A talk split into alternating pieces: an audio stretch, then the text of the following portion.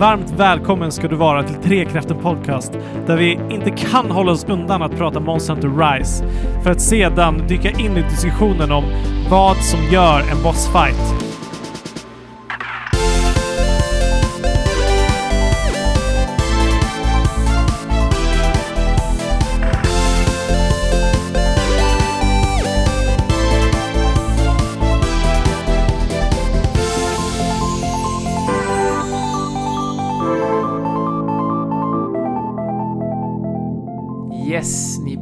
I slutet på veckan. Eh, det är torsdag och på fredag så ser ni där vid horisonten hur det glittrar. Men först kommer torsdagens avsnitt av Trekraften som en maffig boss och ställer sig i vägen. Hur ska ni klara av det här, kära lyssnare?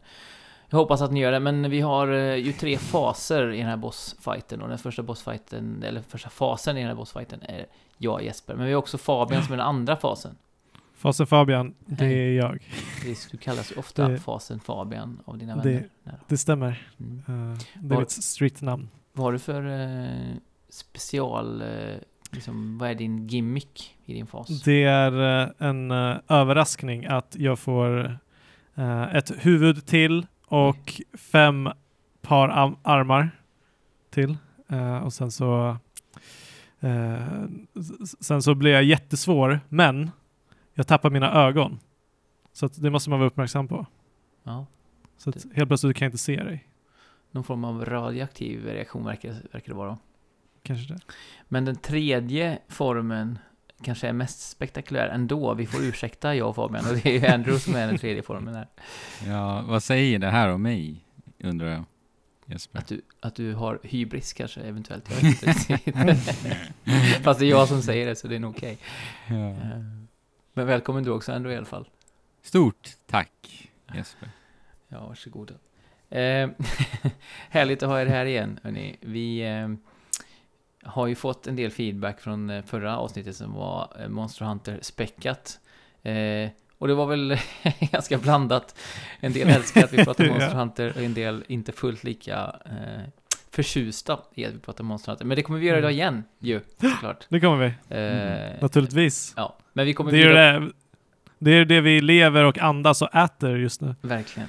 Men eh, vi kommer ju också faktiskt att bjuda på en del annat. Så jag tror att eh, i det här avsnittet finns det smått och gott för stora och små, alla en var.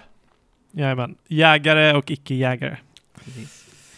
Men eh, utanför eh, den här eh, eh, förtrollade Kamura-byn och beyond, vad, vad har ni, hur är läget liksom i den verkliga trista vardagen? Den Eh, eh, verkliga vardagen eh, börjar ju liksom inte bli lika trist för att solen, är, solen eh, värmer, eh, vinden svalkar eh, och eh, ja, livet, livet är rätt gött för första gången på ganska länge. Eh, ja, och inte så minst så gött. ska ju du för första gången på ett år snart få Ja, träffa 14, din eh, partner. 14, nästan 15 månader. Så Mm. att, eh, ja. Så Gött. är det. Så att eh, Migrationsverket tar väldigt lång tid på sig. Det har inte, inte eh, ett varningens finger. Så här, om, om, eh, om du hade tänkt skaffa en partner för, utanför EU så var beredd på, och ni vill bo i Sverige, då var beredd på väldigt, väldigt långa handläggningstider. Så var noggranna med eh, Vem land. du blir kär i. Ja, Alltså, precis, vi vet ju alla att man väljer helt och hållet vem man blir kär i. Precis. Fyll i rätt i den här eh, drop-down-listen eh, när ni kommer dit. Ja. Fabian råkade trycka på B eh, och då blev det Brasilien. Ja, Nej, skämt åsido, det är väldigt härligt att ni ska få träffas igen. Det vi gläds vi Ja, mycket över. mm. och hur är det med er då? Jo, men eh, det är väl helt okej. Ehm, jag börjar bli så fruktansvärt trött på att jobba hemifrån. Det är väl typ mitt liv just nu. Trött på att Mm. jobba hemma och eh, är, ja, jag bor ju i Kamura Village alltså. Ja, Så att det är väl lite ljusglimten. det är en Just härlig nu. tillflyktsort. Eh, Ja, usch. Jag är så trött på det verkligen. Tänk om du hade haft en wirebug och kunnat svinga dig runt mig i tillvaron. Vad mycket roligare det hade varit då. Ja, ni vet bensträckorna som är oundvikliga och behövs. Ja. Tänk att ha en wirebug i kombination med dem va? Det hade Ja. ju varit fantastiskt. Hade bara kunnat svinga ut genom fönstret utan att... Ja,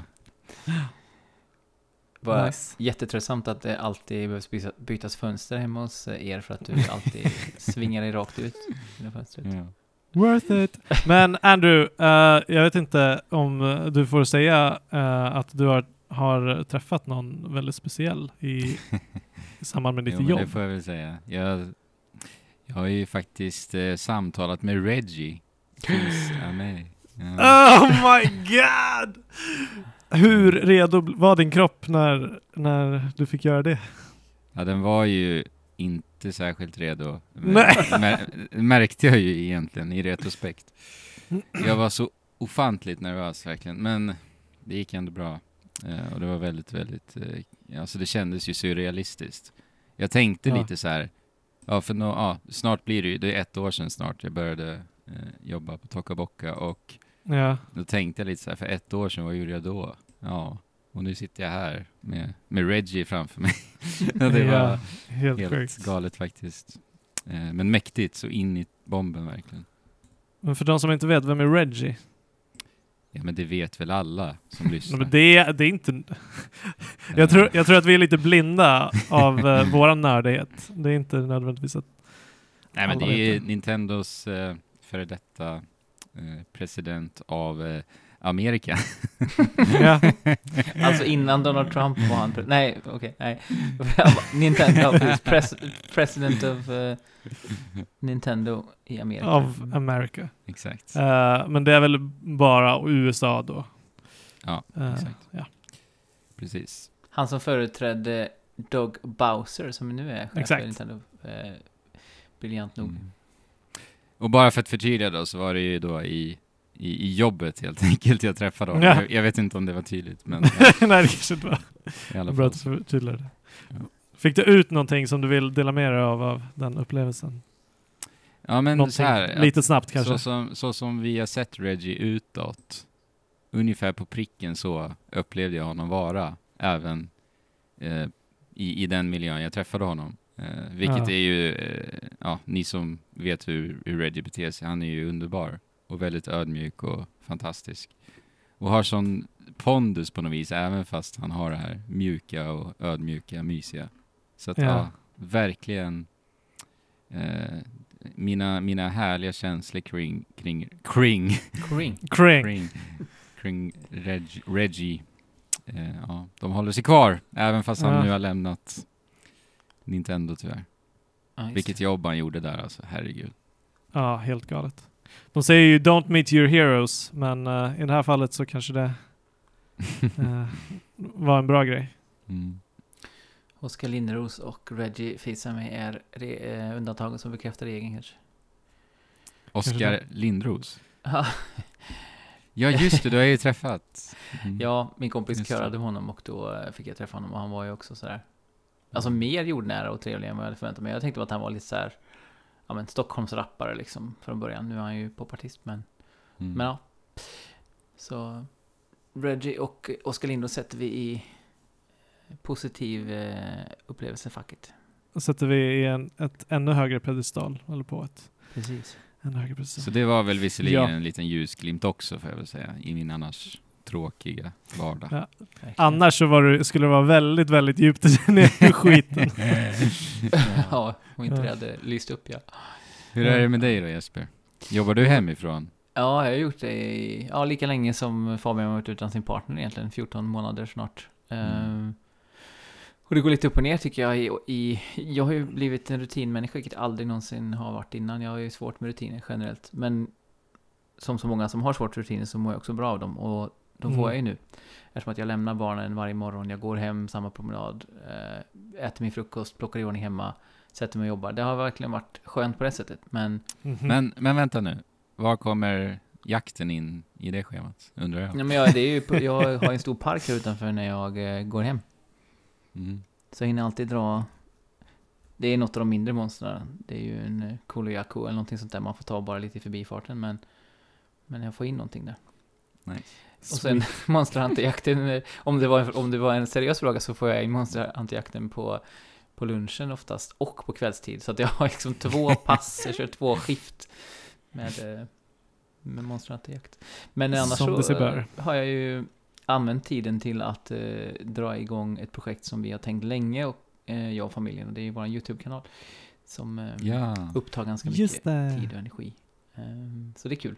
Det hade jag inte orkat om det hade varit resor till Göteborg regelbundet och så. Men nu har jag utnyttjat Nej. tiden till det och eh, Mm. det är kul. Så att eh, om man inte har gjort det redan så får man jättegärna spana in Familjen Englin heter vi på YouTube och även på Insta. Eh, Gör. så Mycket Ja. mysigt. det är mycket, ja men det är precis det som är fokus på något sätt. Mys. Vi har gjort en Pokémon-lista bland annat. Där kan man kika in om, att, om man håller med om våra topp 10 Pokémon. För övrigt. Ja, nej, Must see. Det kommer att länkas i eh, avsnittsbeskrivningen. precis. Riktigt härligt sällskap under fredagslunchen, om jag får säga det själv. Ja, Ja. tack. De släpps ju Fredags, på fredagar klockan 12 precis. exakt. Ja, det är härlig släpptid faktiskt. Ja, så det är, eh, det är väl det mesta det, som sagt, som uppehåller min tid.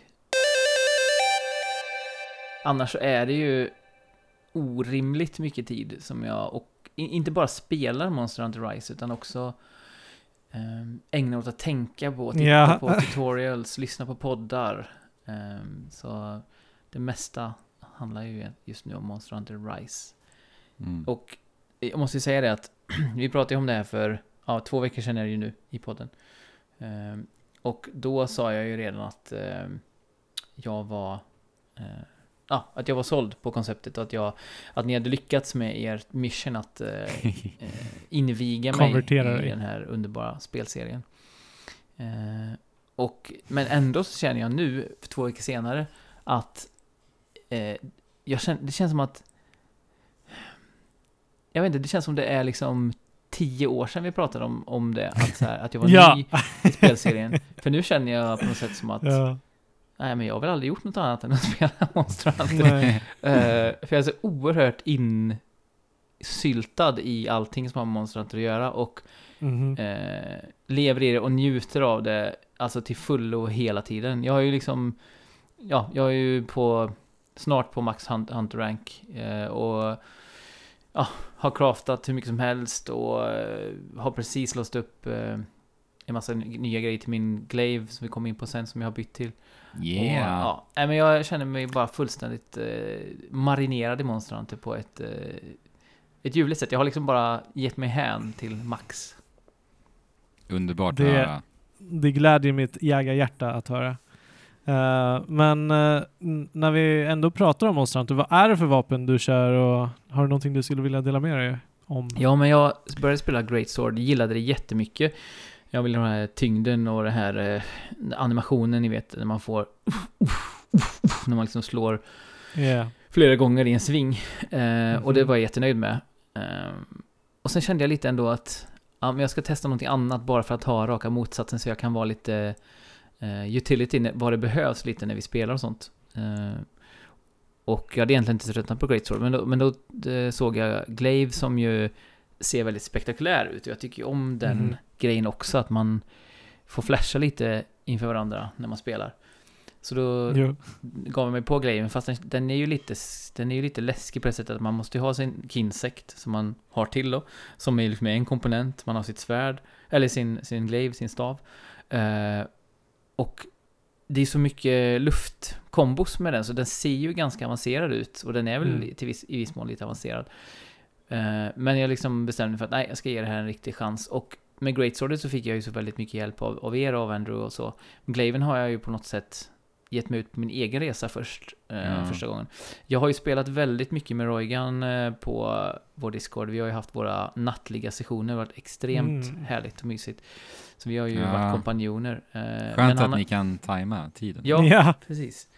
Och vi har, vi har ju samma rytm med småbarn och sådär. Men, Mm.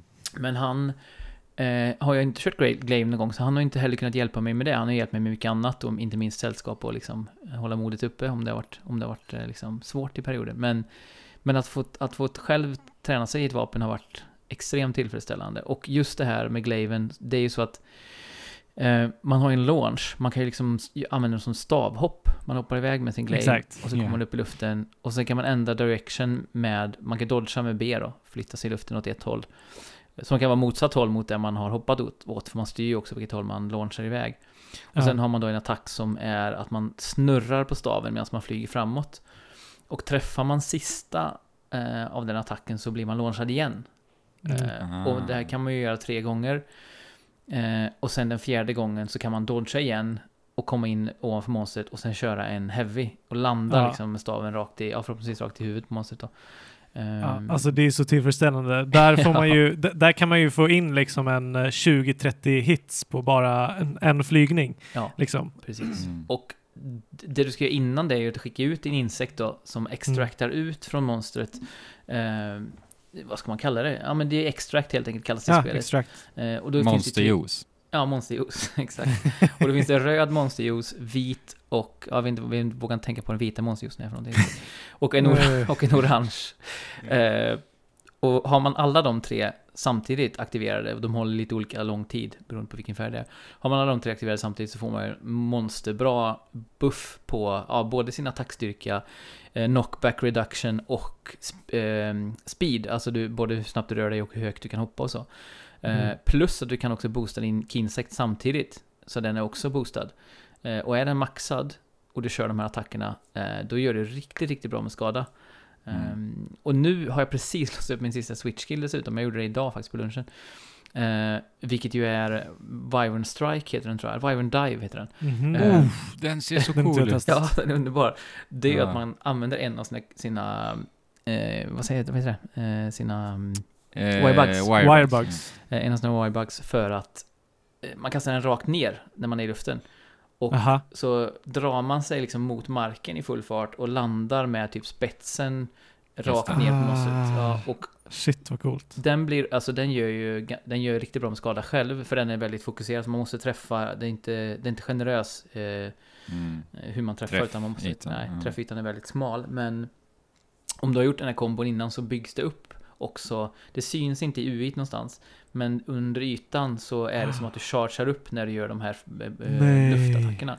Så har du maxat den med tre luftattacker och sen den här eh, Wyvern Dive, då gör det liksom massiv skada och kan lätt bryta av delar eller liksom Nej, vad sjukt. knocka monstret och så. Så det, ja, jag bara... Tänk, jag bara tänk, att, tänk att klippa svansen med en, ett sånt där dyk alltså. Precis, då är man i... Då blir det de här eh, gutturala lätena som kommer fram igen. Ja. Och kroppen Alltså, nu- vibrerar.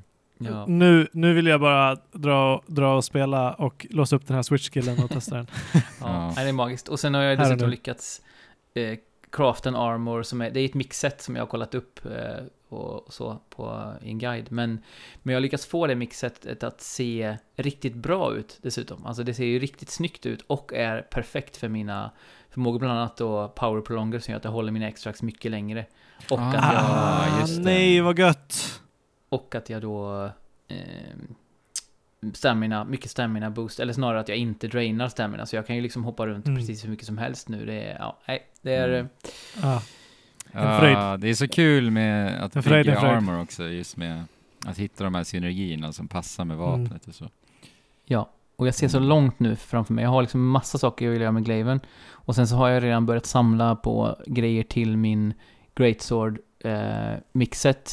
Och eh, jag har ett Greatsword jag har precis har, jag har bara lagt, jag har craftat och så har jag bara lagt det liksom i lådan och bara, det ligger och väntar som, Nice. som PS5 och Series 6 stod här liksom, bara väntar på att. Ja. Så ja, det var, det var mycket, men jag hade mycket i mig. Eh, men ni, Mm. ni, hur ser det ut med er och vapen egentligen? Jag kör bara Charge Blade. Eh, jag har försökt bryta mig loss från Charge Blade. Jag, jag kör lite Insect Glaive och lite Hunting Horn också, men eh, eh, Andrew kan Andrew kan intyga att på mitt guild card så är Charge Blade liksom den stapeln som, som finns. Allt annat är obefintligt. Men jag, bara, jag älskar Charge Blade. Och Charge Blade är så bra för att det inkorporerar så många olika spelstilar. Du, du kan ha den som svärd och sköld, du kan ha den som en yxa så att du kan liksom göra snabba attacker, du kan garda, eh, du kan göra långsamma attacker eh, och samtidigt som rotationen med Charge Blade är eh, så, så jäkla nice. För att först så bygger du upp um, någon typ av energi genom att slå med svärdet som du sen eh, laddar in i files, alltså små flaskor.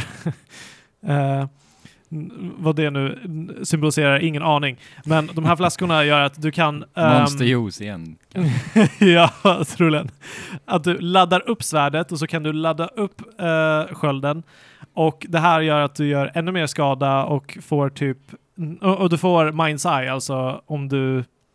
s- Så att du aldrig studsar på hårda delar på monstret om du har laddat svärd. För vad händer då, Eh, Fabian? För då tappar man sharpness och skadar ingenting.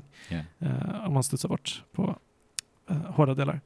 Och det här kombinerat med att jag har en bild eller ett mixet. Jag fick en liten slap på händerna av Pilen i senaste Monsterpepp-avsnittet att jag kallar det bild eh, när den rätta termen är mixset. Som, ja, eh, med ett mixet som har critical eye och critical boost, um, weakness exploit eh, bland annat eh, som gör att jag krittar i princip varje slag eh, och kritten gör en, en ännu högre eh, attack än vad den brukar göra. Och jag kör det här med spinning slash som, är en, som gör att i min yxmode så kan jag få, en, få min yxa att bli en stor sågklinga som sågar så här sju, om jag träffar bra på monstret så, så blir det först ett slag så här BAM! Och sen blir det sex till små slag så här da da da da da da. Mm. Eh, och Och alla blir, dem, Det blir ju den där eh, effekten som Jesper är så kär i. Mm. ja precis. Att eh, det blir som Screen. att det fryser nästan vid varje, varje liksom Exakt. små träff i den Och där det- såg. Och såg inte han. bara är det bara en eh, så här väldigt eh, tillfredsställande effekt och det är jäkligt nice att bara utföra utan det skadar som bara den när allting krittar. Mm. Och det är så nice! Mm. verkligen tillfredsställande. Ja, den animationen alltså, när såg, sågklingan går igång. Ja. ja, det är så snyggt. Det är galenskaper. Mm. Jag har inte testat Ja. Charge Blade än alltså. Jag har noll hands med Charge Blade. Jag, jag- det, det är nog det sista vapnet jag ska spela för jag vet att jag kommer älska det. Jag mainade ju Charge Blade i Generations Ultimate och var helt Ja. kär. Så att det är Ja. så här, ja, det är, den håller jag länge inne på alltså, för jag vet att jag kommer tycka det är fantastiskt. Ja, alltså du, du kommer ju säkert fastna. Eller jag du fastnar inte. Eh, som, som, som, som Niklas sa, uh, som Pajlen sa i senaste Monsterpepp så är det eh, du får ut så mycket mer av spelet om du bara spelar alla vapen. Mm, det är kul. Och- Och där kan man ju verkligen eh, sticka in med en liten extra puff för Monsterpepp. Nu har jag lyssnat på Monsterpepp. Jag har gjort det någon gång förut också, men nu har jag ju verkligen gjort det med en helt annan ingång. Och eh, jag måste säga att det är ett fantastiskt bra första avsnitt här som handlar om, alltså Mm. första när det handlar om eh, renodlat Rise. Eh, Mm. där spelet, när det spelet är släppt.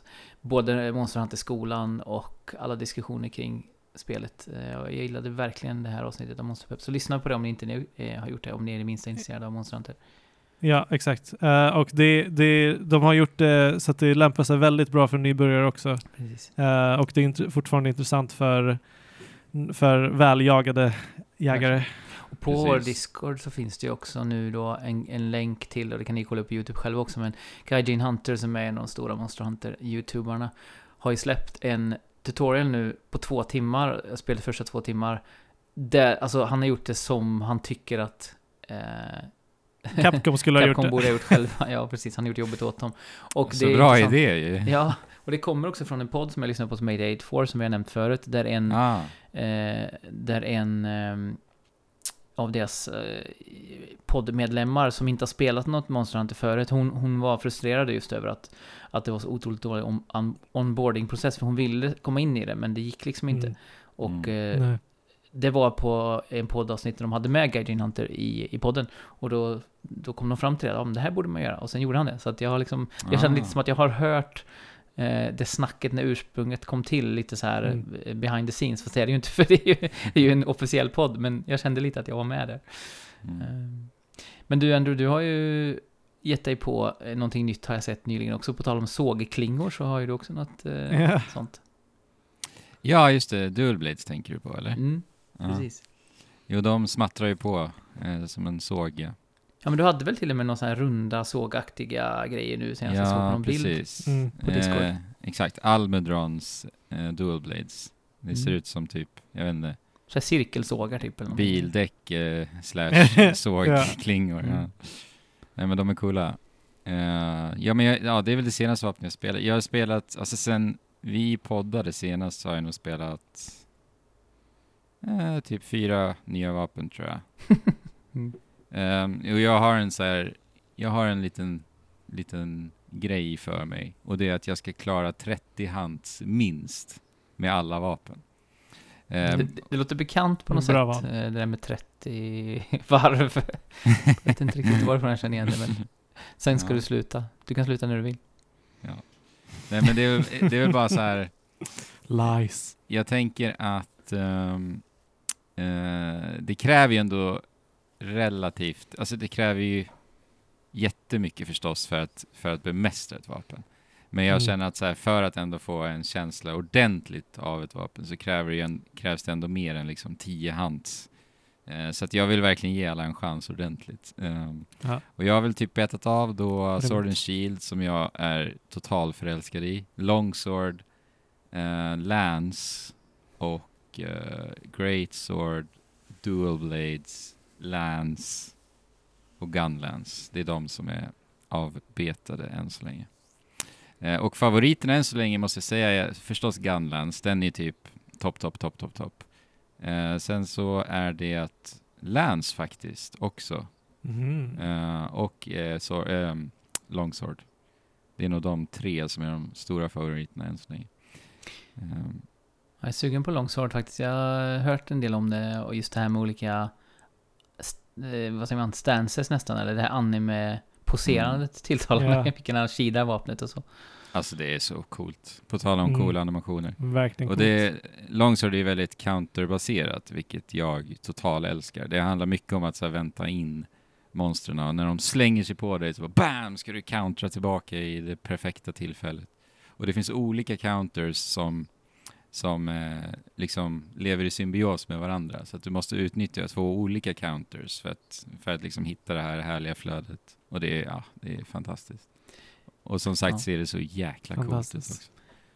Eh, men Lance är cool också. Lance är ju så här, det är väl egentligen motsatsen till Longsword sett till spektaklet. För att det är ju verkligen Mm. ett vapen som inte ser särskilt häftigt ut. Eh, för att det är egentligen, ja du har en stav som du bara petar på monstret. Bam, bam, bam ja. liksom i, i ansiktet egentligen. Ehm, men det är otroligt tillfredsställande för att det har ett ganska coolt koncept och det är det att alla dina attacker, allt du gör med Lance sker i tre intervaller.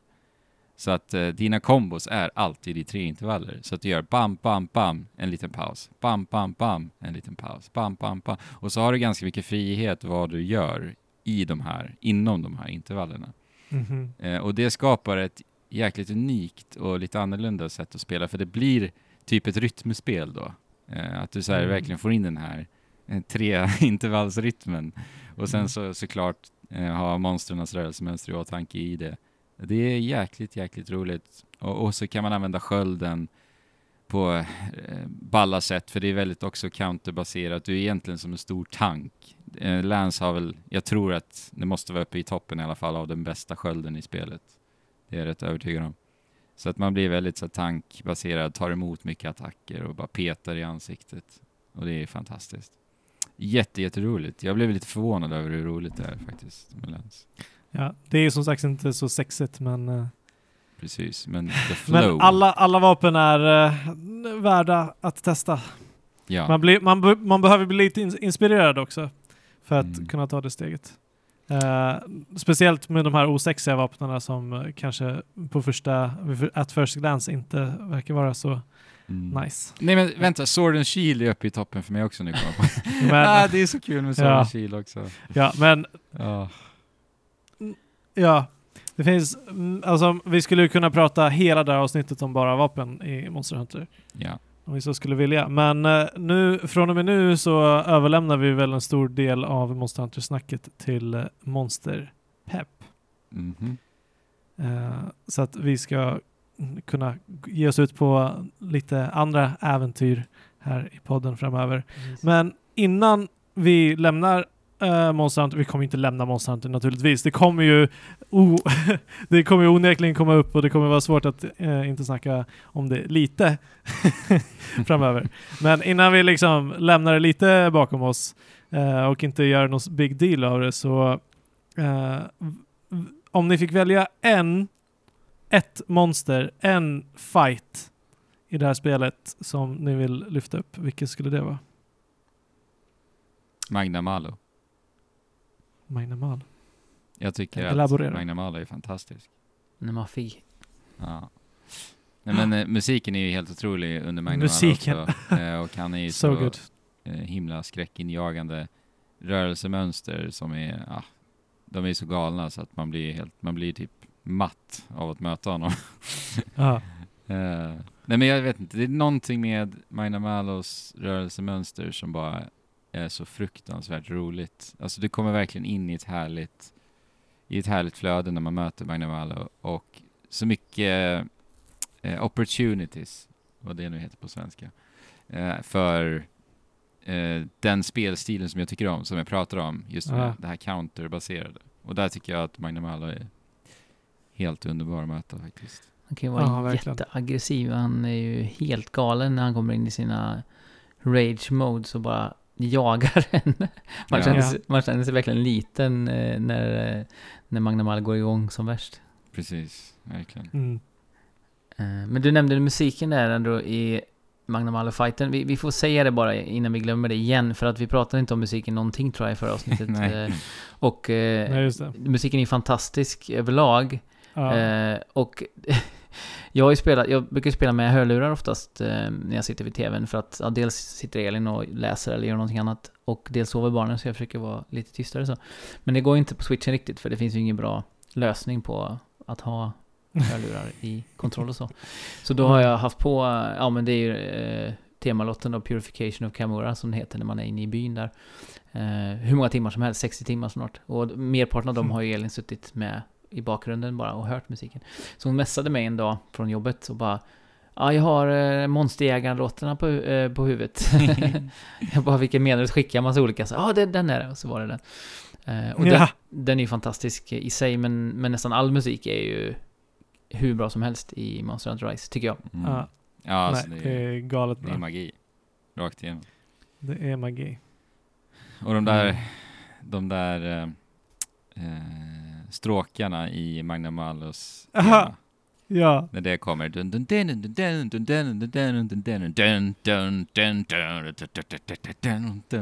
Alltså det är så mäktigt. Och då vill man bara in och veva. Skitbra. mm. Ja, verkligen. Ja, nej men eh, jag är svårt att välja för jag tycker ju alla monster är på något sätt underbara på sitt sätt. Och det är ju den här mm hä- häftiga ambivalensen som jag har hört många prata om tidigare. Att man så här... eh, Man älskar monstren typ, fast man vill ändå spöa dem samtidigt. Det är här toxic eh, relationship över det på något sätt. Det är väldigt obagligt. eh, Om man, om man ska hårdanalysera det, det kanske man inte behöver. Men, men ehm, eh, jag gillar ju, alltså, Tobey Maguire som jag kallar den. Eh, to, Toby Kadachi, alltså den här Ja. elekorren. Eh, väldigt Mm. mycket. Den är ju sån här flygekorre. Så den fäller ut sin päls och så flyger den så, så kommer den med blixtar och dunder. Eh, riktigt eh, bra blandning av liksom gullig på sitt sätt. Väldigt mm. Så här häftig. Och eh, jag gillar, ja men, elementet eh, Lightning är ju eh, eller Thunder är ju väldigt häftigt bara i sig. eh, Den effekten. Så att, ja. Och sen så om man är får fuska riktigt lite nice. så är den i Turf War med Nargacuga också. Nej, du får Eh, inte säga en till Jesper. Nej, då, då tar jag bort det. Tänk, eh, tänk bort att jag sa Nargacuga nu, så tänk inte på det. Eh, ja, okej. Fabian då? Uh, alltså jag vill, jag vill ju också jättegärna fuska. um, eh, men eh, jag, eh, Eh, jag landar på Goss Harag. Dels för att den är jäkligt cool. Eh, och dels för att den har mekaniker som inkorporerar hela um, eller den har en attack som gör att du måste använda din, din wirebug för att undvika den helt enkelt. Eller kontra. eh, som dels också är wirebug. Eh, och det det, det har vi ju inte sett så mycket i Monster Hunter tidigare, att det är så här eh, du måste lära dig rörelsemönster, ja, men inte att du har så här ett, ett svar eller några specifika svar på en specifik attack som, eh, som monstren gör. Men det är som en sån här Som- Mario-boss som så här stampar i marken eller någonting. Alltså det är lite Ja, men grejen. exakt. Precis. Eh, så att, så att Gosarag skjuter först en från upp till ner, en is... En, Stråle. en isstråle. Och sen efter det så skjuter den så här hori- horisontellt eh, från eh, vänster till höger eller höger till vänster eller vad det är. Och då måste du vara beredd på att liksom hoppa bort från den med uh, wirebuggen. Och det är riktigt nice. Och sen att han har olika, eh, olika faser också. Som, eh, som spicar upp striden. Det är, många har ju olika faser, men den här är liksom, eh, den ändras i hela sitt utseende och den får stora eh, klingor av is på händerna som, som rör runt i grytan. Har ni, har ni blivit stunnad av Gossarag någon gång? Stunnade. Ja. Så Eh, att, så jag att ni blir paralyserade och immobila? Nej, inte jag. Okej. Tror inte det. Det är mäktigt kan jag säga. För att när ni blir det, när han är i sitt, sin andra fas, så kommer han inte attackera, utan han kommer bara gå emot er och se så jäkla läskig ut. Oh my god. och jag tycker det är så häftigt. Så här. Han bara struntar i att attackera och bara ska skrämma, skrämma en för en stund. Eh, Han påminner Ja. lite om Hulken, vara tycker jag. Yeti. Gossarag. Ja, I- kanske det. Jag tänker bara aggression. liksom. Verkligen. Ja, verkligen. Det du sa nu eh, Fabian, är ju, det är ju märkbart med Glaive överlag att jag, jag har ju jättemycket nytta av att hålla mig i luften. För det är många attacker Mm. som jag bara undviker genom att bara launcha mig iväg. Och sen håller jag mig i luften i Mm. så här, ja, 10 sekunder. Så jag, det är lugnt liksom när den där attacken kommer.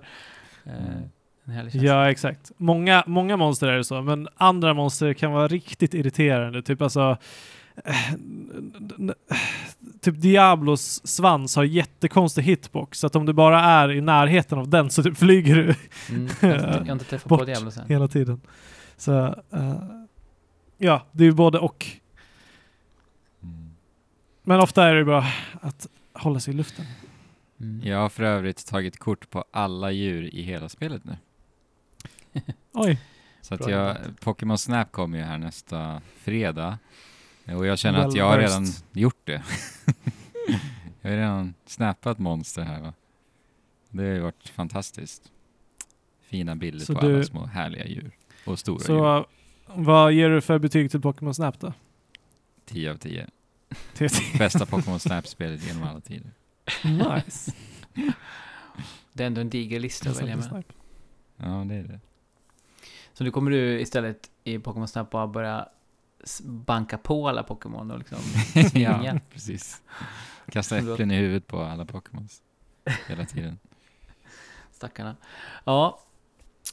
Monster Hunter Rise, som sagt, det är inte sista ordet sagt, men det är väl den sista, kanske längre utläggningen som är sagd. Men eh, därmed eh, kommer vi ju fortsätta simma i Ja. den här härliga, varma Monster Hunter-källan. Så att gå med i Discorden eh, och eh, hoppa in i Monster Hunter-kanalen och var med, häng med när vi jagar. Ja, men Det det är ju inte på Mm. långa vägar över, för vi, det kommer ju en uppdatering här nu.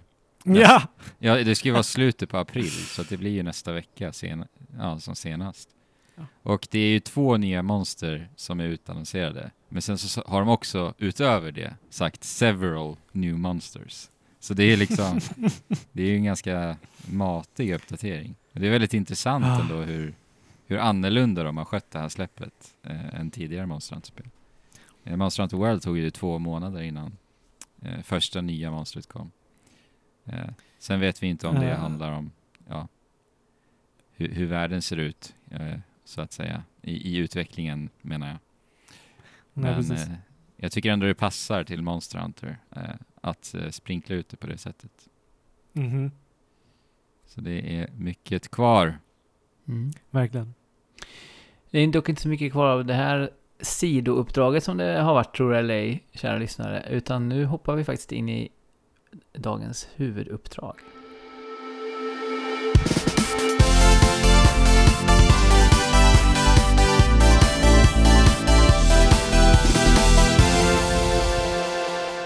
Och det är för omväxlings skull ska vi prata stora, mäktiga eh, motståndare. Eh, men dock inte i Monster Hunter, det kanske blir också. Men det vi ska prata om eh, nu är någonting som har legat i vårt dokument, vårt interna dokument väldigt länge och som vi har funderat kring eh, till och från. Och det är bossar helt enkelt.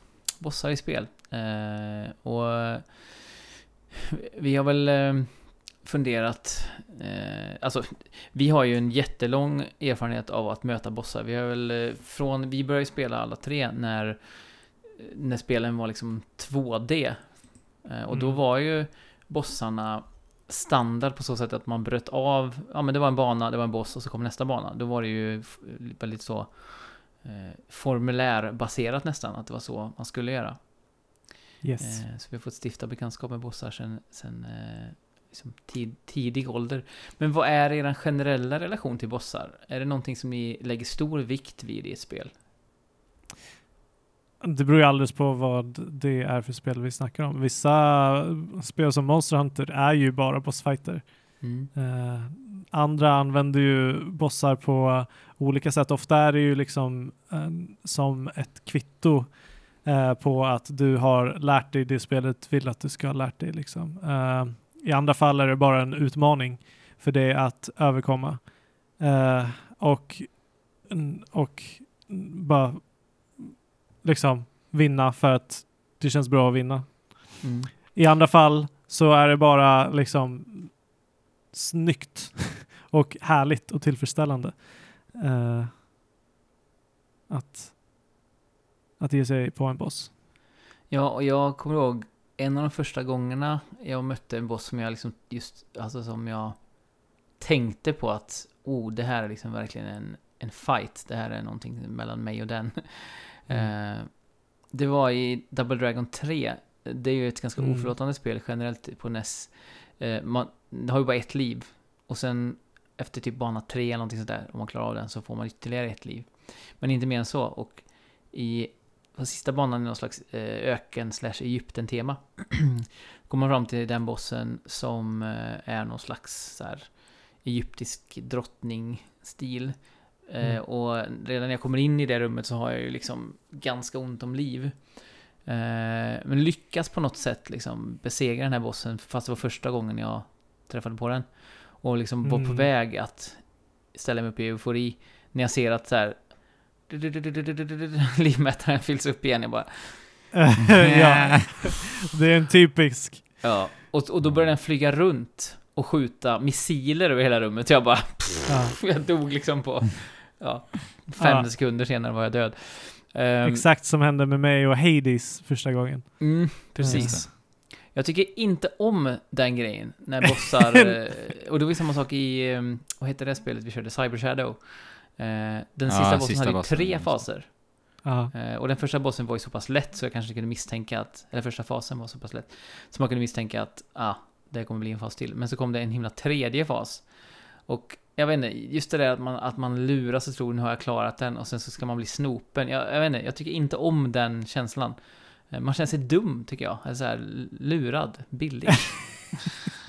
eh, vad tycker ni om den, det tricket liksom? Det beror ju på helt och hållet på ut, utförandet. En- I vissa fall, alltså som, som här i Hades så gav det ju en väldigt, väldigt stark effekt. Mm. Eh, och det satte ju ett intryck på mig också. Men det är ju också en väldigt, väldigt använd, ett väldigt använt trick som, eh, s- som man kanske kan förvänta sig av sista bossar nästan generellt. Liksom. Ja, men det är som, Eh, det men, som, men det behöver ju inte vara så att liksom, eh, n- man blir lurad alla gånger. Utan, utan det, det är liksom en uppbyggnad som skapar tension och som skapar eh, som gör stakesen högre och som gör bara allting mer intensivt. Eh, så att generellt så liksom faser. Det, det skulle kunna vara ett avsnitt i sig. Hur man gör faser liksom. På ett bra Mm. sätt. Men det var jag ju så ny till spel och så Ja. fortfarande, så jag hade inte sett det någon gång. Utan blev bara så här. Och det, jag, jag kom aldrig till den bossen någon mer gång. Jag, jag, det knäckte liksom mitt, eh, min, mitt driv för att spela Double Dragon. Jag kände att jag kommer aldrig klara av den, det går inte. Så jag, Nej. jag tror knappt jag spelat spelet efter det sen. Ehm, men eh, ja, som sagt, nu, nu är, märker man ju nästan på en boss som säger, ah, men det är för lite motstånd här, det kommer hända någonting. Eh, men ja, alltså, en, en annan boss är eh, i, um, som jag spelade ganska nyligen, i Bloodborne. Som är eh, inte bara, alltså det är ju långt ifrån fasen som är det som gör den uh, bra, en bra fight. Uh, Bloodborne och Dark Souls har ju ofta flera faser. Uh, och den jag tänker på framförallt är Ludvig, den här hästknighten. Som den, den är så bra bara på liksom i sin kontext, i sin uppbyggnad eh, och hur, hur den utspelar sig och bara hur den pratar med dig. Liksom. Eh, galet bra. Äcklig. Att- Äcklig är den. Som, som mycket i Bloodborne. vad tycker ni annars eh, vad gäller just inför en boss och att bygga upp? Det finns ju många sätt att göra det på, till exempel här med att man visar bossen lite i bakgrunden eh, på banor och sådär. Ofta så har vi alltså, när man tänker på uppbyggnad så här så um, typ Sephiroth är ju en, eh, en ganska eh, given antagonist som, som eh, liksom introduceras och, och sen så byggs den upp som det här stora hotet och sen så visar han hur farlig han är genom att liksom till och med, spoiler alert, döda en av dina eh, medlemmar. Och inte Eh. minst eh, den här enorma eh, masken som eh, kryper runt i den här öknen, eh, där, eller sandområdet, där man liksom inte ens kan passera för att det går inte. Den här eh, varelsen är för farlig och sen ligger den Ja, bara. Spetsad nonchalant på ha- hans svärd eh, senare. Ja, Eh, Men det, överlag, alltså det är ju mästerligt gjort med, med Sephiroth för att det är både det som du säger att eh, han är otroligt mäktig och man får ju verkligen utveckla ett hat mot honom innan man Ja, möter honom. exakt. Men också lite grann av så här, det finns ju en ambivalens i relationen också till honom. Eh, Mm. Att man har den här kopplingen mellan Cloud och honom. Så att det är otroligt bra exempel på hur de bygger upp en boss på alla sätt och vis innan man till slut får möta honom. Och jag tror att liksom RPGs över, överlag gör det eh, bäst n- med uppbyggnaden och så här. Men, men de gör inte det andra naturligtvis. Eller nödvändigtvis gör de inte det andra eh, liksom jättebra. Jag menar RPG-strider är det det det är. Jag skulle ju aldrig lägga en RPG-strid eh, i, en, i en av de bästa bossfighterna som jag har gått igenom. Liksom. Det är ju intressant att säga det, för jag har ju nästan bara exempel från RPG-spel och bland mina bästa bossar. Eh, jag har i alla fall två väldigt tydliga exempel och det ena Ja. är eh, från eh, Dragon Age Origins. Där det i och för sig inte är turordningsbaserat. Ja, Men det är precis. ju lite halvt turordningsbaserat, lite halvt actionbaserat. Men eh, man ska in och hämta eh, Ashes of Andraste som är ju en gudafigur i, i den här världen. Eh, Mm. En urna. Och det är, bara det är ju mäktigt i sig att man har liksom en, en Guds aska som man är inne och härjar efter. Sen man kommer ut från den grottan så har det drang, landat en enorm drake utanför gr- grottöppningen. Så man liksom springer rakt ut i den draken. Eh, Mm. och det är ju inte alltså det är ju skriptat, men det som inte var skriptat var att alla mina partymedlemmar dog. Jag hade gjort slut på all min, eh, alla mina potions och allt sånt. Och alla mina partymedlemmar, utom med jag då, min egen karaktär, dog och jag var Archer. Eh, och jag såg liksom hur så här, nej, min li- mitt liv kommer att dräneras när som helst. Men jag såg också att draken var på upphällningen. Och jag hade säkert, jag vet inte vad, 5% HP kvar, två kanske.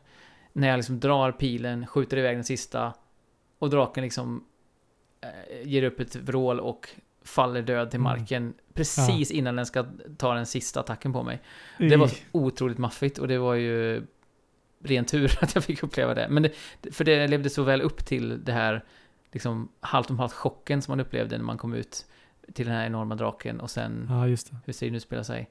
Ehm, och jag, jag tycker även ja, men bossar som i Final Fantasy 13 och Final Fantasy eh, 7 Remake, eller 7 Remake, ehm, har den här härliga spänningen där man hela tiden måste... Eh, det är push and pull mellan anfall och försvar. Ja. Och i de fallen, och samma sak i Star Renegades som är ett annat eh, eh, turordningsbaserat RPG, så kan de lägga så väldigt mycket energi på eh, presentationen av bossen. För de, de Mm. behöver liksom inte hålla på, den ska inte funka ur alla vinklar och den ska inte ehm, mekaniskt funka, utan det är mest, då kan det läggas så väldigt mycket krut på eh, Ja, som så här tv-presentatörer, de behöver bara sminka sig och fixa håret fr- framifrån Ja, för att det ska se exakt. snyggt ut. Och då kan läggas mycket krut på det. Så att det, ja, det är ju faktiskt en av mina favoritgenrer bland, bland bossar. Eh, för, för det är också att det skapar ett avstånd mellan en själv och bossen. Man behöver inte vara in your face. För jag blir väldigt lätt eh, överväldigad och, och rädd för en boss som är maffig och, och eh, respektingivande. Så jag tycker det är skönt att ha det där. Man får njuta av maffigheten, men man behöver, lite, man behöver liksom inte ha den rakt i ansiktet heller. Nej, precis. Sen har vi ju Eh. Zelda-bossar som är ganska unika eh, på det sättet att Ja, de men- handlar ju ofta om, så här, lite det du var inne på Fabian, att så här, bossar is the final test. Att Mm, man ska exakt. se till, se så att har du, har du överkommit eh, och förstått dig på mekaniker som, som Exakt. ofta har introducerats liksom innan bossen. Och där är ju Zelda så här praktexempel förstås. Eh, Ja. Till exempel i Tempel så har vi alltid eh, i tidigare Zelda-spel då eh, en mekanik som vill, de lär ut spelaren gradvis med liksom det, det unika föremålet för templet. Och sen på slutet då så ska du visa vad du går för på den slutgiltiga bossen. Precis. Och det är ofta liksom en blandning mellan eh, spektaklet som eh, Jesper här ehm, är inne på och lyfter upp som sin, sin största eh, behållning i bossar Mm. blandat med en mekanik som lärs ut Mm. i Zelda. Ja, men jag tycker också lite grann med Zelda-bossarna, de gamla bossarna, att på ett sätt känns det lite billigt för att det är ett sätt som du ska besegra bossen på och det gäller bara att göra det på rätt sätt och sen, sen är det klart. Det är lite som att så här, Ett litet Eh, pussel, rör, rörligt pussel nästan. ja, Mm, men det är, exakt. oftast, det är oftast ganska lätta bossar också så att det är Mm. lite som att det går på räls. Alltså om jag ska spetsa till det riktigt mycket så är det lite så här, ja ah, det skulle kunna ha varit ett quick time event. Alltså förstår ni vad jag menar? Jag vet inte, jag kanske är, är för hård här, men jag tycker jag blir ibland så när jag möter Zelda-bossar att att som ni säger, behållningen är hur ser den ut, hur låter den? Och musiken brukar ju vara en jättestor grej, Mm. Zelda-bossar. Exakt. Eh, men själva liksom görandet att, att spela mot den känns lite så här, meh, jag vet inte. Men jag... Ja. Mm, Ja, alltså det är väl lite varierat. Jag, jag tycker att riktigt bra Zelda-bossar tycker jag är väldigt, väldigt bra. För att de, de twistar ofta till det du har lärt dig på ett väldigt kreativt och lite förvånande sätt. Mm. Då, då är de, det är när de är riktigt bra. Men annars kan jag ändå hålla med. Jag förstår ju vad du menar med att en del kan kännas bara lite så här eh, som en förklädd svårare utmaning av det du har lärt dig. Liksom. Så, så är det ju ofta, men det är, inte bara, det är inte bara det du faktiskt gör som är behållningen, utan det är liksom hur saker och ting känns, hur saker och ting reagerar. Eh, liksom, jag menar, eh, saker och ting kan vara tillfredsställande att bara utföra eh, på ett visst sätt, som jag tycker att Zelda-bossar ofta är, eh, gör, gör på ett väldigt bra sätt Mm. som gör att de, de är inte svåra eh, och det kanske inte är det mest bombastiska men det är ändå tillfredsställande att göra det även om många kanske eh, inte kommer hamna på någon bästa boss-topplista. Men ändå så har jag en Zelda-boss som jag vill lägga på en topplista som, som var förutom de här klassiska från Ocarina of Time som jag bara kommer ihåg för att jag har spelat det tiotal, tjugotal gånger liksom. Eh, från väldigt tidig ålder. Det är Coloctos från Skyward Sword. Um, Ja, där man får den här piskan. Mm. Det, det är typ en, eh, en, en robotrustning eh, med massor av armar och så vidare. Och så ska man dra bort de här armarna och så ska man använda eh, bossens vapen mot, mot den själv. Och det är liksom, det är bara kul att göra. Det, blir, som, det blir som en lek på ett, på ett sätt. Mm. Eh, till skillnad från liksom, att vara det här stora hotet som och, och hatet som man har härbärgat liksom, mot bossen. Så, så är det bara kul. Men det måste jag säga, om Ganon-striden i Ocarina of Time och det är som du säger, det, det sitter ju mycket i nostalgi och vad man var Mm. då. Men jag tycker att den dramaturgiskt också är fantastisk för att Ganon har känts så otroligt Mm. mäktig och han har liksom eh, förstört en hel värld i princip. Och så kommer man dit och då får man så flera olika Alltså bara den här när man springer upp för trapporna till den här orgelmusiken. Mm. Ja, eh, hur det byggs upp där då. Eh, när man Verkligen. kommer in till honom. Och sen är det den här tennismatchen. Och sen kommer man ut och ska använda eh, när eh, slottet liksom rasar och Raserar. man möter Ganon där ute i sin grisform. Så ska man väl använda hammare, eller är det inte så? Eh, vad, du får inte använda ditt svärd. Och, så att om du har hammaren eller om du har eh, Great Gorn Sword så kan du använda det också. Mm. Och Ja. bara den striden, det kändes som så här. Det var den här hopplösheten och eh, Mm. de lyckades verkligen få det att sippra igenom tack vare musiken och, och, och hur världen ser ut med sitt mörka, eh, förfallna look. Och just eh, Ja. desperationen i striden. Ja, det, det, jag tyckte det var suverän. Och som sagt, det kanske också hjälpte att man var, eh, vad var jag? Typ 13 eller någonting sånt. Och, eh, Jag var jätteliten. Jag sket ju på mig. Alltså jag, jag var ju så här ah! Verkligen. Eh, och liksom, du vet. Så att de, den hade ju stora stakes liksom. Och det, Mm. det var och det var en helt annan investering i, i världen. mm. Just för att man har när man är liten så är allting mycket större liksom. Mm. Jorden skulle gå Eh. under om du inte klarade av den här bossen. Ja, exakt. riktigt. Men raka motsatsen, en annan boss jag kommer ihåg från ganska tidig ålder är eh, ifrån Yoshi's Island. Eh, det kanske är första bossen. Eh, den här där man ska springa runt eh, på en eh, ja, typ planet eller sten eller vad man ska kalla det. Eh, lite som i eh, man sen gjorde väldigt mycket i Galaxy. Och ska hoppa på en påle som ska spetsa bossen i andra, Mm. på andra sidan av planeten. Eh, det kommer jag ihåg, jag tyckte var så Ja, just det. den Ja, mekaniken var så kul på något sätt. Att så här, Mm. genomborra den här stenen eller planeten eller vad det är med den här pålen och spetsa bossen. Eh, Ja, exakt. Och jag tycker överlag det är så coolt. Det har ju inte så mycket med bossar att göra. Men hur man ser om man spelar lite äldre Mario-spel. Hur mycket som de verkligen återanvänder i nya spel och, och Mm. gör till en huvudmekanik. Som bara har varit en liten, liten del av ett annat spel. Liksom så här 15-20 år emellan spelen. Eh, Mm. eh, Och hur de expanderar på sina idéer och behåller sina idéer över tid. Det är väldigt coolt. Ja, men precis. Mm. Och det är ju mest bara kul och charmigt och tillfredsställande. Mm. Eh, jag gillar en boss eh, väldigt mycket i Super Mario bara för hur det känns att, att besegra bossen. Mm. Eh, det är den här uh, lava-oktopussen som, Ja, som skjuter kokosnötter. Mm. Och bara i Super Mario Galaxy. Eh, ja, exakt. Så att, eh, och när du slår på kokosnöten, ibland så skjuter den ut eldbollar, ibland skjuter den ut kokosnötter som du kan slå på. Och bara sättet som den här kokosnöten bara gör en ark eh, Mm. och, och, och träffar Sugs in. bossen och Ja. hur det liksom, det, det är så tillfredsställande att bara se och utföra. Även fast det är liksom en av de lättaste Ja, bossarna som men- finns. Det är väl så här, ja. Det är ju det Mario är. Väldigt estetisk boss. Ja, exakt. Det Så är det ofta med Mario. It's just fun.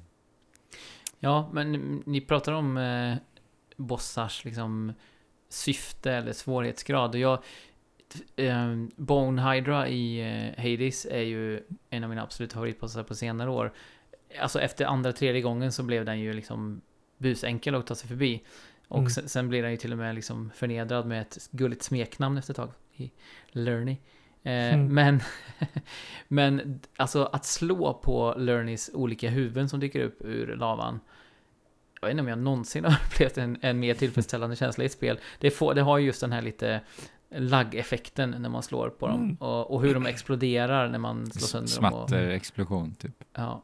Och just hur man bara så här dodgar runt och då har man ju redan eh, byggt upp, för det är and, alltså slutet på andra banan, då har man hunnit bygga upp sig ganska mycket redan. Mm. Eh, och kan verkligen bara så här, ja, fullständigt äga sönder bossen. Men det känns så himla bra, för det känns mer som att man är grym än att bossen är lätt. Eh, Mm. men, Ja, men vad tycker ni om det? För att jag, jag har ju väldigt specifik tanke på att jag vill att en boss ska ta mellan tre, eller tre till fem gånger och eh, klara av.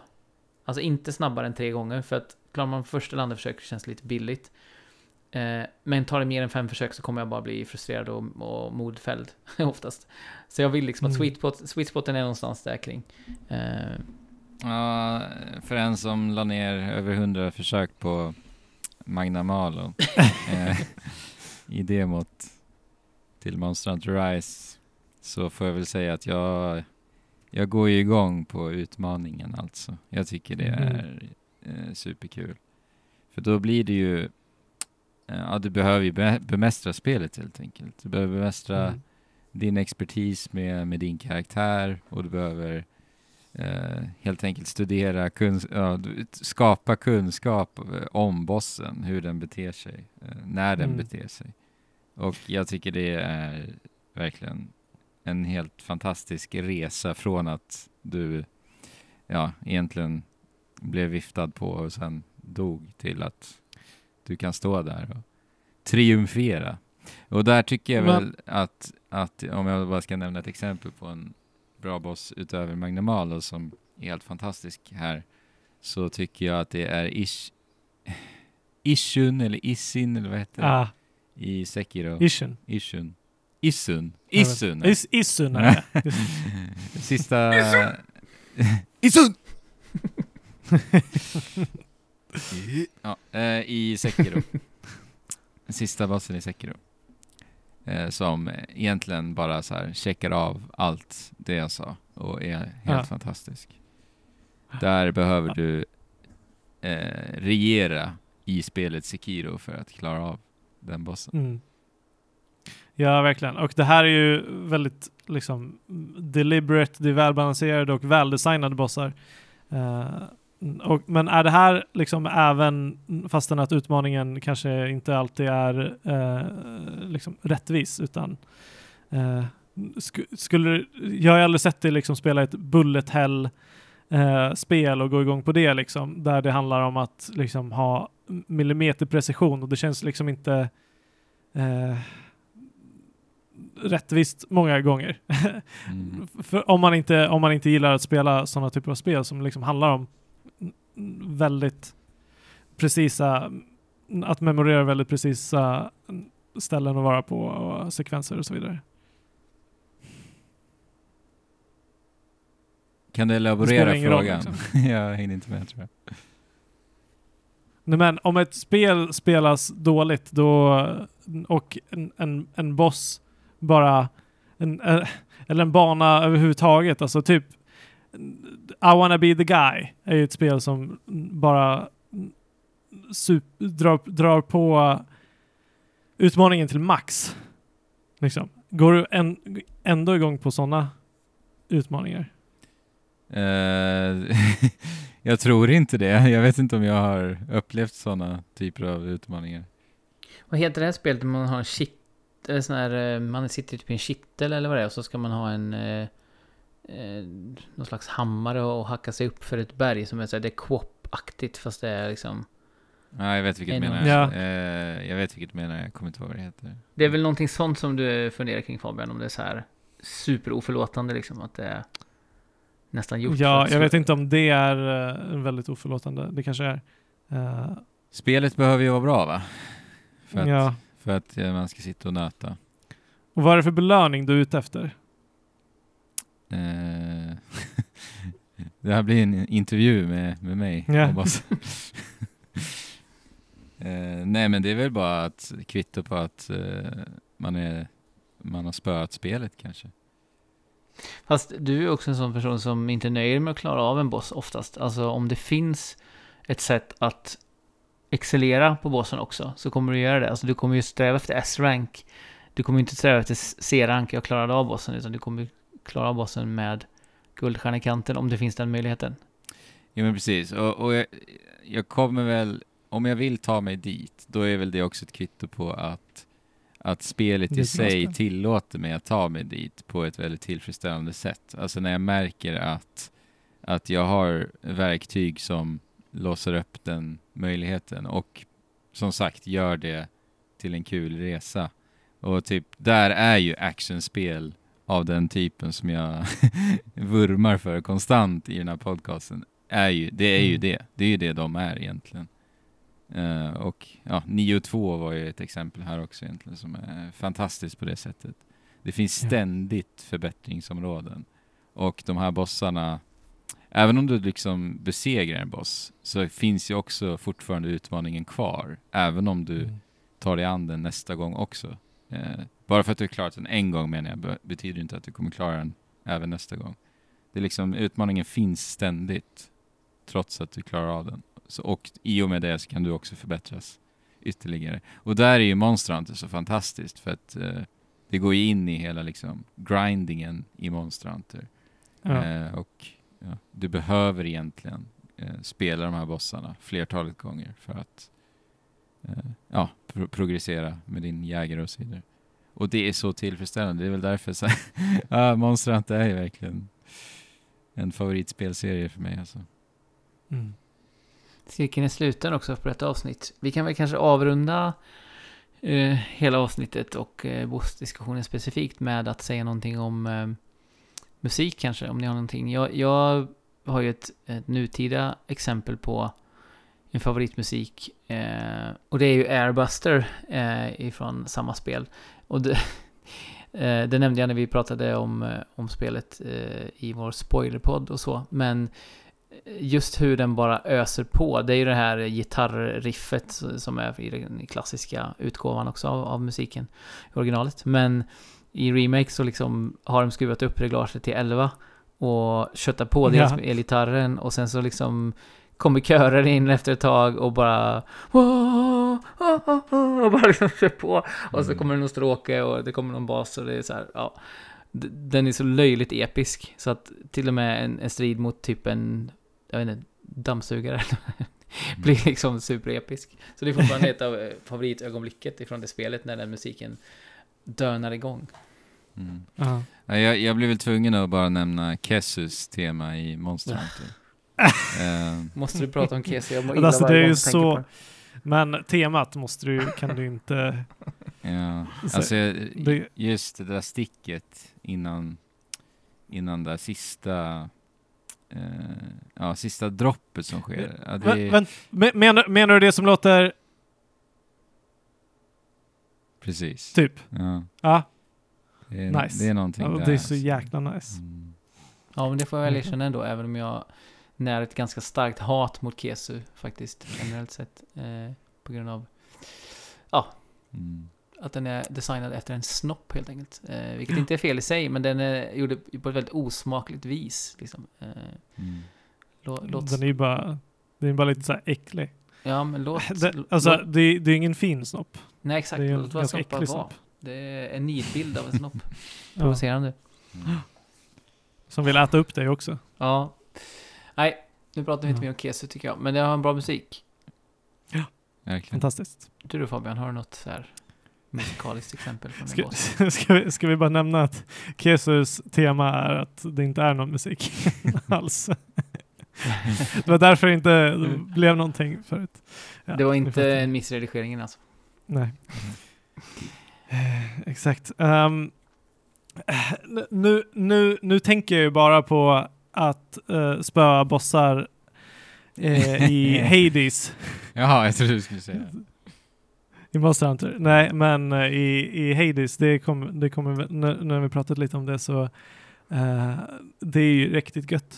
Och Mm. bara mosa bossarna i Hades. Men jag, om jag förändrar mig så kan jag ta tillfället i akt att eh, ta upp en av mina favoritbossar och det är ju Portal-bossarna från Portal 1 och 2, men framför allt Portal 2.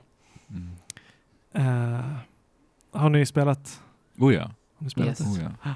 Det är, ti- eh, det är, eh, är det tio år gammalt i år? Nu? Typ i förrgår? Ja, just det. precis. Exakt. Det Ja. är det ju. Det är tio år gammalt nu. Mm. Portal 2 Ja. är tio år gammal. Ja. Ja, galet. Ja. Jag tänkte ju först på den här Still Alive som är en riktigt nice Ja. låt som kommer efter bossen i första. Sen kommer jag på så här, ja men jag vill ju egentligen ta upp båda. För att när man, när man skjuter när man skjuter en em, portal upp på månen, det är ju kanske en av de fetaste sakerna man har gjort i spel. Mm. This was a Eh, triumph. Men Exakt. förstås Shadow of the Colossus också, eh, när, när vi pratar musik. Och, Du, du, Ja. du, du, du, du, du. ja, sluta. Mm. Mm. Mm. Och hur musiken ackompanjerar det narrativet typ bättre än något annat spel någonsin tycker jag. Det är, Mm. Det, det är den här förtvivlade känslan. ja, vemod, förtvivlat. Eh, ja, nej det är fantastiskt verkligen. Arrow! Arrow! Hör man också hela tiden. Mm. Mm. Jag måste spela om det där spelet. Ja, spela, spela PS... remaken. Ja, gör det alltså. Men det, det var ju också ett av de första exemplen som jag upplevde på i alla fall. Just ett spel som bara bestod av bossar. Nu gör Ja. ju Monster Hunter uppenbarligen det också. Men det var ju, på den tiden var ju Monster Hunter en ganska obskyr serie. Mm. Um, Medan Shadow of the Colossus slog ner som en bomb då. Och det var ju så här, va? Kan man göra ett sånt här Ja. spel där det bara är bossar? Ja, Verkligen. ja. Och där har vi den här ambivalensen som jag nämnt också. Eh, liksom, alltså, att de, de gör det så bra, liksom, både e- estetiskt och dramaturgiskt. Ja. Mm. Eh, Ja, Fantastiskt men att, att, att spetta en eh, sån här krit, kritisk punkt på en av bossarna i Shadow of the Colossus och bara sprutar ut, ja, det är för svart blod man bara känner att det här borde jag inte Mm. göra egentligen. Mm. mm. Ehm, Väldigt kraftfullt. Ja. Så att alltså, bossar kan ju vara väldigt mycket. Det är inte bara en, en svår utmaning liksom. Eh, utan mycket, mycket mer. Mm. Precis, nu har ni klarat av den här bossen, lyssnare. Varsågoda och eh, ta emot belöningen i form av en ny förmåga. Och den förmågan är att ni klickar er in på Discord om ni inte har gjort det redan. Eh, och eh, kan dubbelhoppa in där nu. Eh, för att det är ju full aktivitet och som sagt inte minst om ni är intresserade av Monster Hunter. Men även annars så eh, är det ett riktigt bra ställe att vara på. Eh, Och Mm. eh, nu när sommaren närmar sig lite så tycker jag det här är helt från höften. Det har vi inte diskuterat off är någonting. Men jag tycker att vi ska liksom börja fundera på ett nytt online. Det vill Ja. säga en ny spelkväll tillsammans, lite, eller speldag egentligen tillsammans. Där vi bara Ja. får vara i varandras sällskap och spela. Jag tänker att sommaren öppnar upp för lite, lite mer frihet i schemat kanske för många. Definitivt. Eh, ett stort, stort, stort, stort ja. Eh, vi kan väl också säga att nästa avsnitt, som sagt, vi kommer säkert nämna Monster Hunter, men vi kommer absolut inte fokusera på det på något sätt. Eh, vi, vi kommer ju prata om It takes two, och det, det Yes! spelet har jag, jag har ju spelat det faktiskt, eh, och jag ser verkligen fram emot att prata om det med Ja, er. jag ser väldigt mycket fram emot att spela det. Det verkar helt fantastiskt. Mm. Vi har ju Ja. pratat väldigt mycket svenska spel det här året. eh, och Ja, Det är ju gött. det är. Det här är ju ännu en i kollektionen. Mm. Då får vi göra så att vi roterar så att vi kör två i taget bara och sen kommer någon in efter halva och så ploppar någon ut eftersom att man kan bara vara två Ja, i det Just spelet. Så vi får se hur vi löser det rent logistiskt, men det ska vi nog ordna Ja. tror jag tills nästa gång. Vi har det två, går nog bra. två veckor att tänka eh, på detta. Och, så, och om ni saknar eh, Trekraften content däremellan så kan ni ju som sagt eh, med eh, stor glädje och behållning kika in på Monster Pep eh, som ju är sin egen grej nu förstås, men som har i alla fall födelsen här i moderskeppet Trekraften. Mm. Med Pajlen och Conadargo som köttar på i Monster Hunter. Så, men fram tills, tills dess, tills vi hörs igen om It takes two och annat gott så får ni spela på. Och chip. Tjola. Thank you.